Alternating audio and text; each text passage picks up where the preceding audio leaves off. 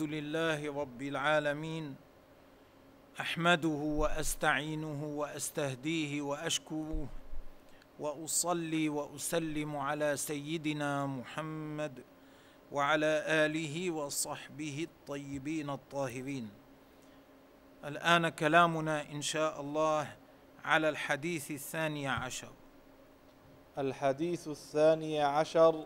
وهذا حديث جليل عظيم كما قال أبو داود رحمه الله تعالى وغيره.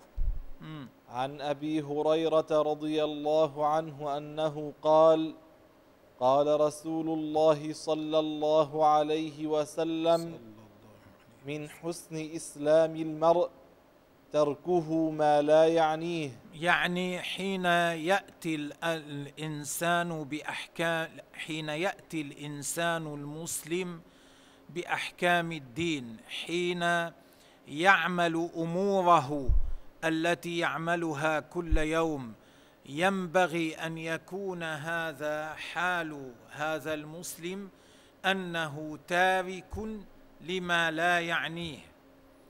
والذي يعنيه هو الذي يشتد اهتمامه له الذي هو مقصوده ومطلوبه ويشتد اهتمامه له. من عناه عناه الشيء يعنيه أي يشتد اهتمامه له. هذا الأمر درج عليه الصالحون على حسب ما أرشد إليه رسول الله. صلى الله عليه وسلم. في هذا الحديث الجامع في اللفظ القليل للمعنى الكثير. ذكر مالك في الموطأ أنه قيل للقمان ما بلغ بك ما ترى يعني ما الذي أوصلك إلى هذه الرتبة التي أنت عليها من الفضل؟ فقال صدق الحديث وأداء الأمانة وترك ما لا يعنيني وعدم الدخول فيما لا يعنيني. وقال الحسن البصري رحمه الله تعالى من علامة إعراض الله تعالى عن العبد يعني من علامة كون العبد غير مرضي وغير مقبول عند الله تبارك وتعالى أن يجعل شغله فيما لا يعنيه.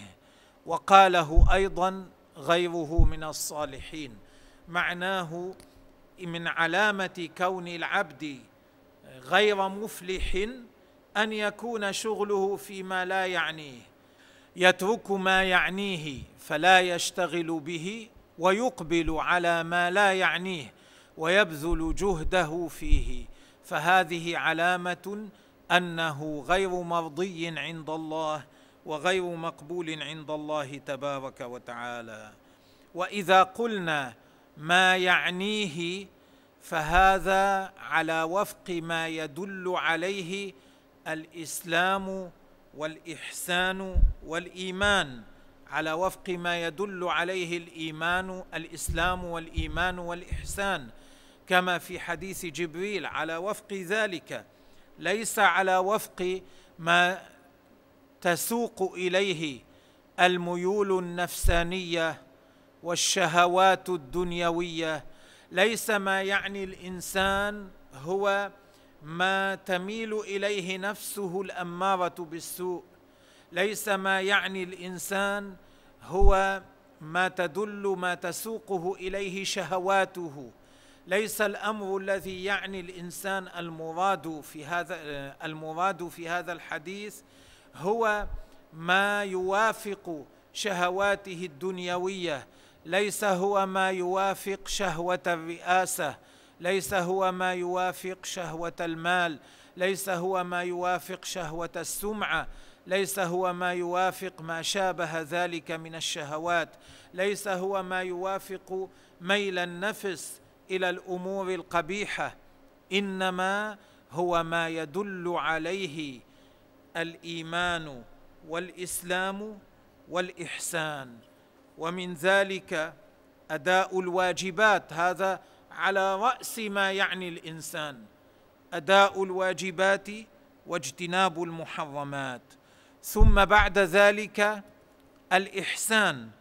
وهذا الإحسان إذا تحلى وهذا الإحسان يقتضي مرتبة ومقاما أعلى من أداء الواجبات من مجرد أداء الواجبات واجتناب المحرمات.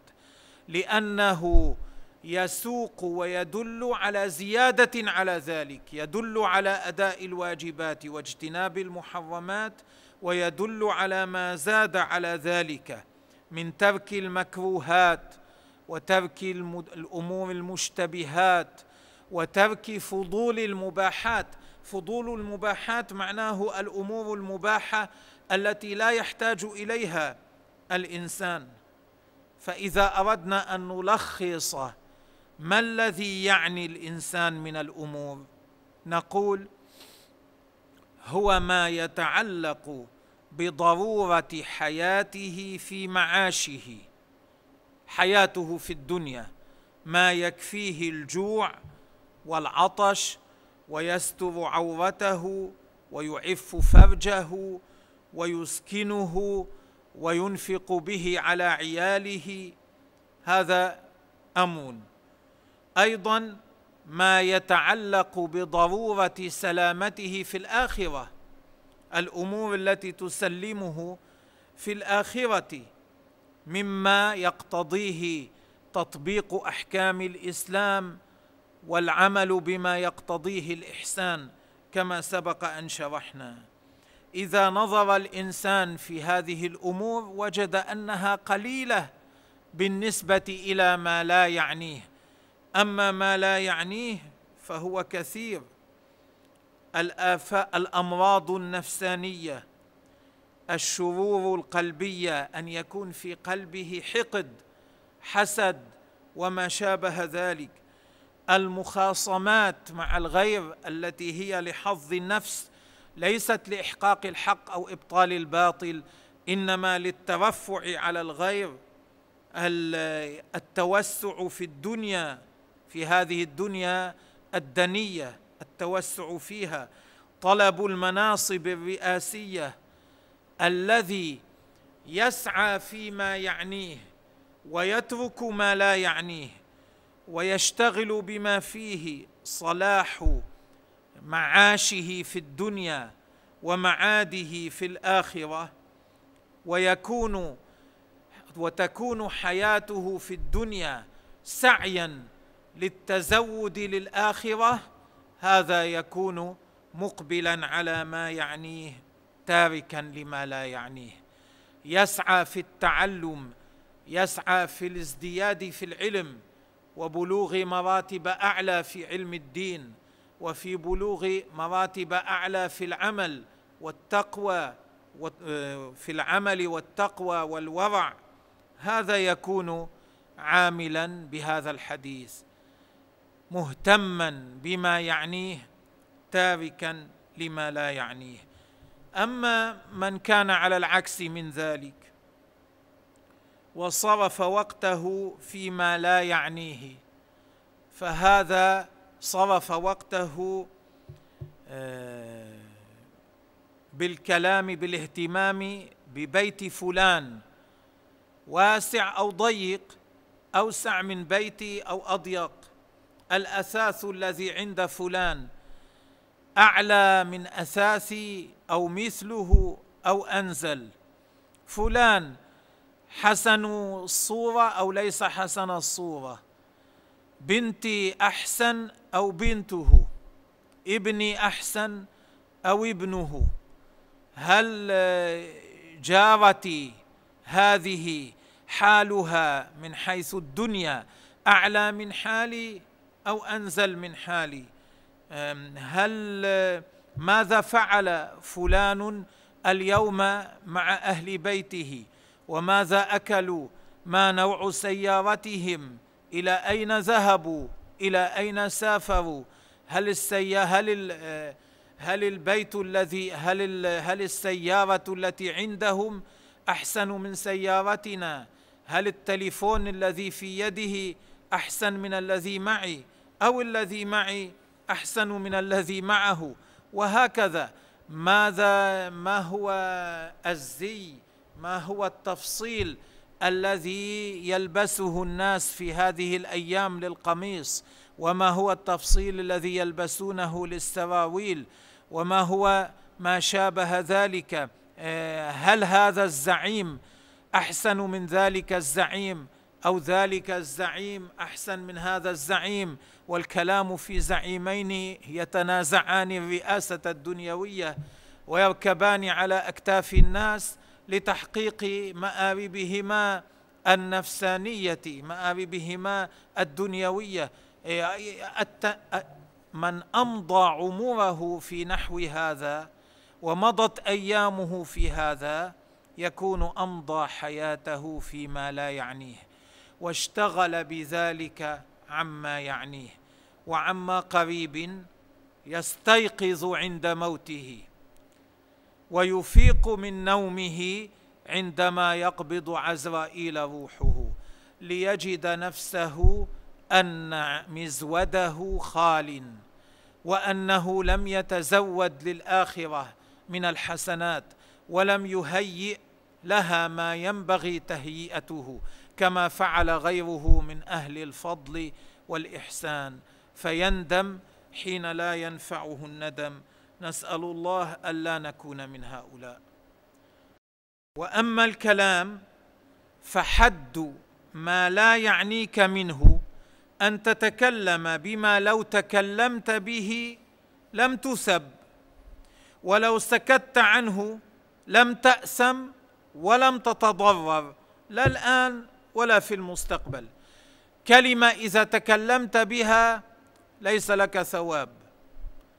وإذا سكت وإذا سكت عن هذا الكلام لا إثم عليك ولا ضرر يلحقك لا الآن ولا في المستقبل. مثل هذا الكلام لا ينبغي لك أن تشغل نفسك به ولا أن تضيع أنفاسك به. ولا أن تصرف مالك فيه وجهدك فيه لأنك تعرض نفسك للمحاسبة على ما لا ينفعك. لأنك بسبب كثرة الكلام في مثل هذا قد تزل فتقع في معصية الله تبارك وتعالى. ومن هنا جاء في الحديث من صمت نجا. إذا اشتغلت بهذا الكلام عرضت نفسك أن تقع في الرياء. عرضت نفسك أن تقع في شهوة السمعة. عرضت نفسك إلى ما لا تحمد عاقبته لأجل شيء لا منفعة فيه ولا فائدة لك فيه لا في الدنيا ولا في الآخرة. مثل هذا الكلام مما لا يعني. لذلك جاء في الحديث من صمت نجا لو أنك بدل أن تشغل نفسك بهذا قعدت في مجلس علم تكون قعدت في رياض رتعت في رياض الجنة. أليس جاء في الحديث إذا مررتم برياض الجنة فارتعوا؟ قالوا وما رياض الجنة يا رسول الله؟ قال حلق الذكر. لو أنك سبحت قلت سبحان الله لكان لك غرس في الجنة. أليس جاء في الحديث أن الإنسان يكون له بكل تسبيحة شجرة في الجنة؟ وشجرة في الجنة خير من الدنيا وما فيها. لو أنك قلت لا حول ولا قوة إلا بالله بدل أن تشغل نفسك بما لا خير فيه. يكون لك كنز من كنوز الجنة كما جاء في حديث رسول الله صلى الله عليه وسلم. لأجل هذا كان السابقون يدربون أنفسهم على كثرة الصمت. يكسرون أنفسهم فلا يتكلمون فيما تشتهي نفوسهم أن يتكلموا فيه إلا إذا عرفوا أن الكلام فيه فيه مصلحة لهم. داود داود الطائي رضي الله تعالى عنه كان يقعد في حلقة الإمام أبي حنيفة وهم يتكلمون في الفقه لا يتكلمون في غير ذلك يتكلمون يتفاوضون في الفقه. يحب أن يتكلم معهم في المسألة فلا يتكلم. سنين كثيرة مرت عليه وهو على هذه الحال. يقول لماذا أتكلم؟ هم يتكلمون وفي كلامهم كفاية. مع أن نفسه كانت تشتهي أن يتكلم وذلك حتى يدرب نفسه على الابتعاد عما لا يعنيه. هذا وكما قلنا كلامهم كان في أمور الآخرة في أمور العلم لكنه أراد أن يكسر نفسه حتى تتواضع أراد أن يكسر نفسه حتى تتحلى بالإخلاص وبترك ما لا يحتاج إليه. إذا كان هذا حال داود مع ما تكلموا به فكيف بمن تمر عليه الليالي والأيام وهو يتكلم بالكذب وبالمعاصي وبالغيبة وبالنميمة وبالأمور المضحكة المبنية على الكذب يكذب حتى يضحك غيره فيسخط ربه تبارك وتعالى ويفعل الأفاعيل السخيفة والأمور الركيكة التي يريق بها ماء وجهه ولا يعود له بين الناس مرتبة ولا اعتبار. كيف يكون حال مثل هذا؟ وبأي شيء يكون أوقع نفسه؟ الله تبارك وتعالى قال قد أفلح المؤمنون الذين هم في صلاتهم خاشعون والذين هم عن اللغو معرضون.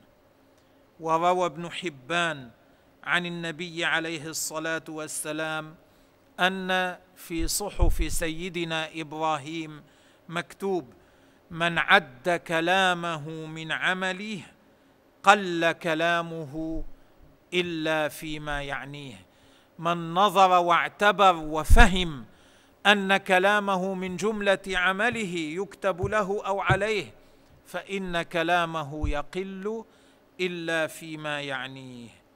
وجاء وجاء وجاء في سنن الترمذي كما قدمنا أن رسول الله صلى الله عليه وسلم قال من صمت نجا وعند ابن أبي الدنيا أن رسول الله صلى الله عليه وسلم قال خصلتان ما إن تجمل الخلائق بمثلهما حسن الخلق وطول وطول الصمت. وقال ربنا تبارك وتعالى ولقد خلقنا الإنسان ونعلم ما توسوس به نفسه ونحن أقرب إليه من حبل الوريد.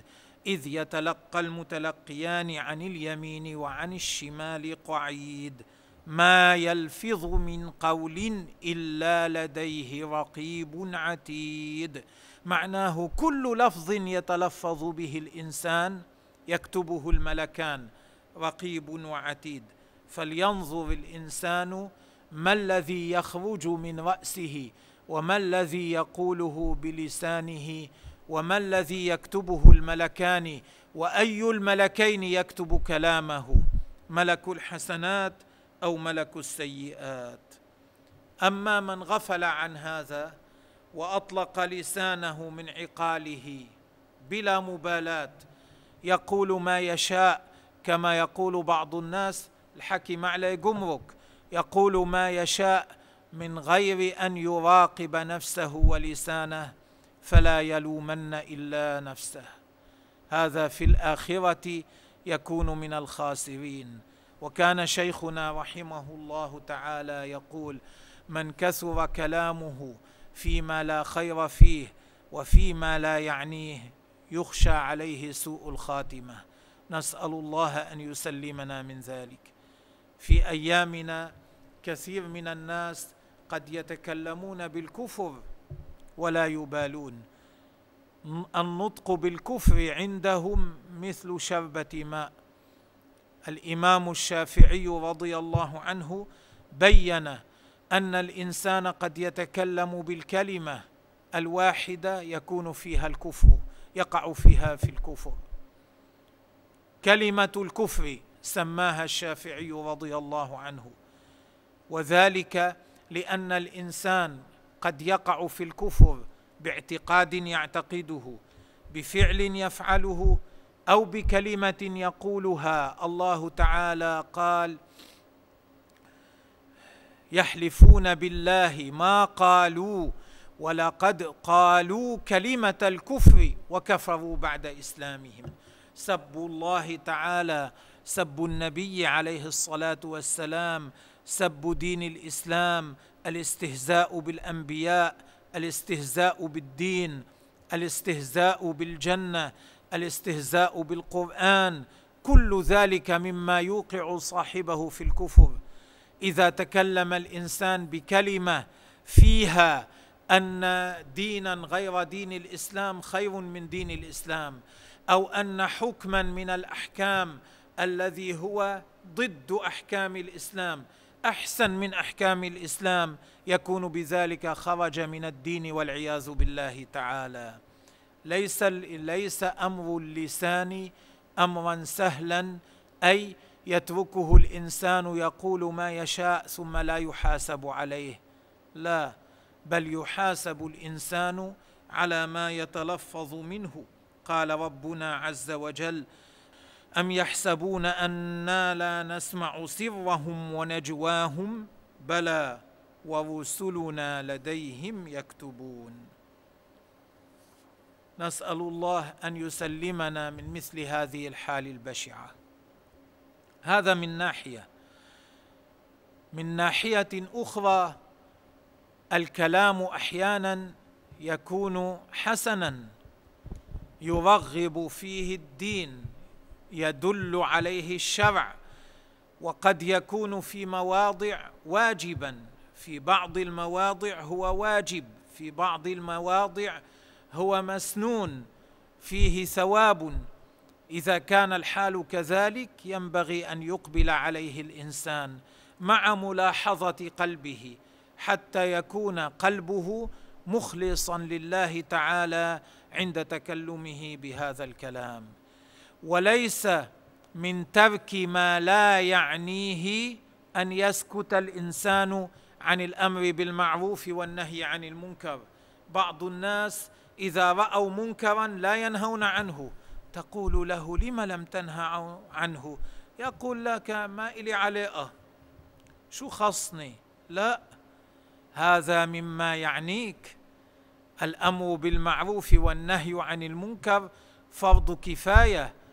إذا ك إذا لم يقم به غيرك وجب عليك أن تقوم به إذا كنت قادرا. لا يسعك السكوت من غير عذر لك عند الله تبارك وتعالى.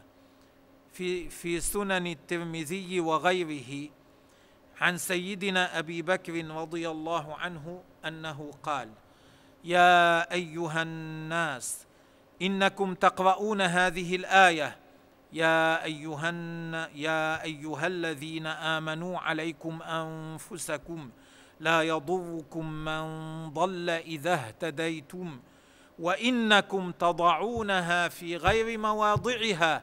أنتم تفسرون هذه الآية على غير معناها. هذه الآية ليس معناها.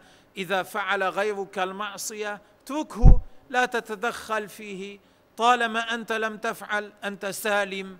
لا تأمره بالمعروف لا تنهه عن المنكر. ليس هذا معناها. قال إنكم تضعونها على غير مواضعها. وإني سمعت رسول الله صلى الله عليه وسلم يقول إن الناس إذا رأوا المنكر ولم يغيروه أوشك أن يعمهم الله بعقابه. وهذا ما نراه في أيامنا. سكت أكثر الناس عن الأمر بالمعروف والنهي عن المنكر إلا ندرة قليلة فعمت البلايا والمصائب فيما بيننا. عم البلاء ونزل فأصاب الصالح والطالح. حديث حسن رواه الترمذي وغيره. نعم. والله تعالى يهدي من يشاء وبه الحول والقوة وهو سبحانه وتعالى أعلم.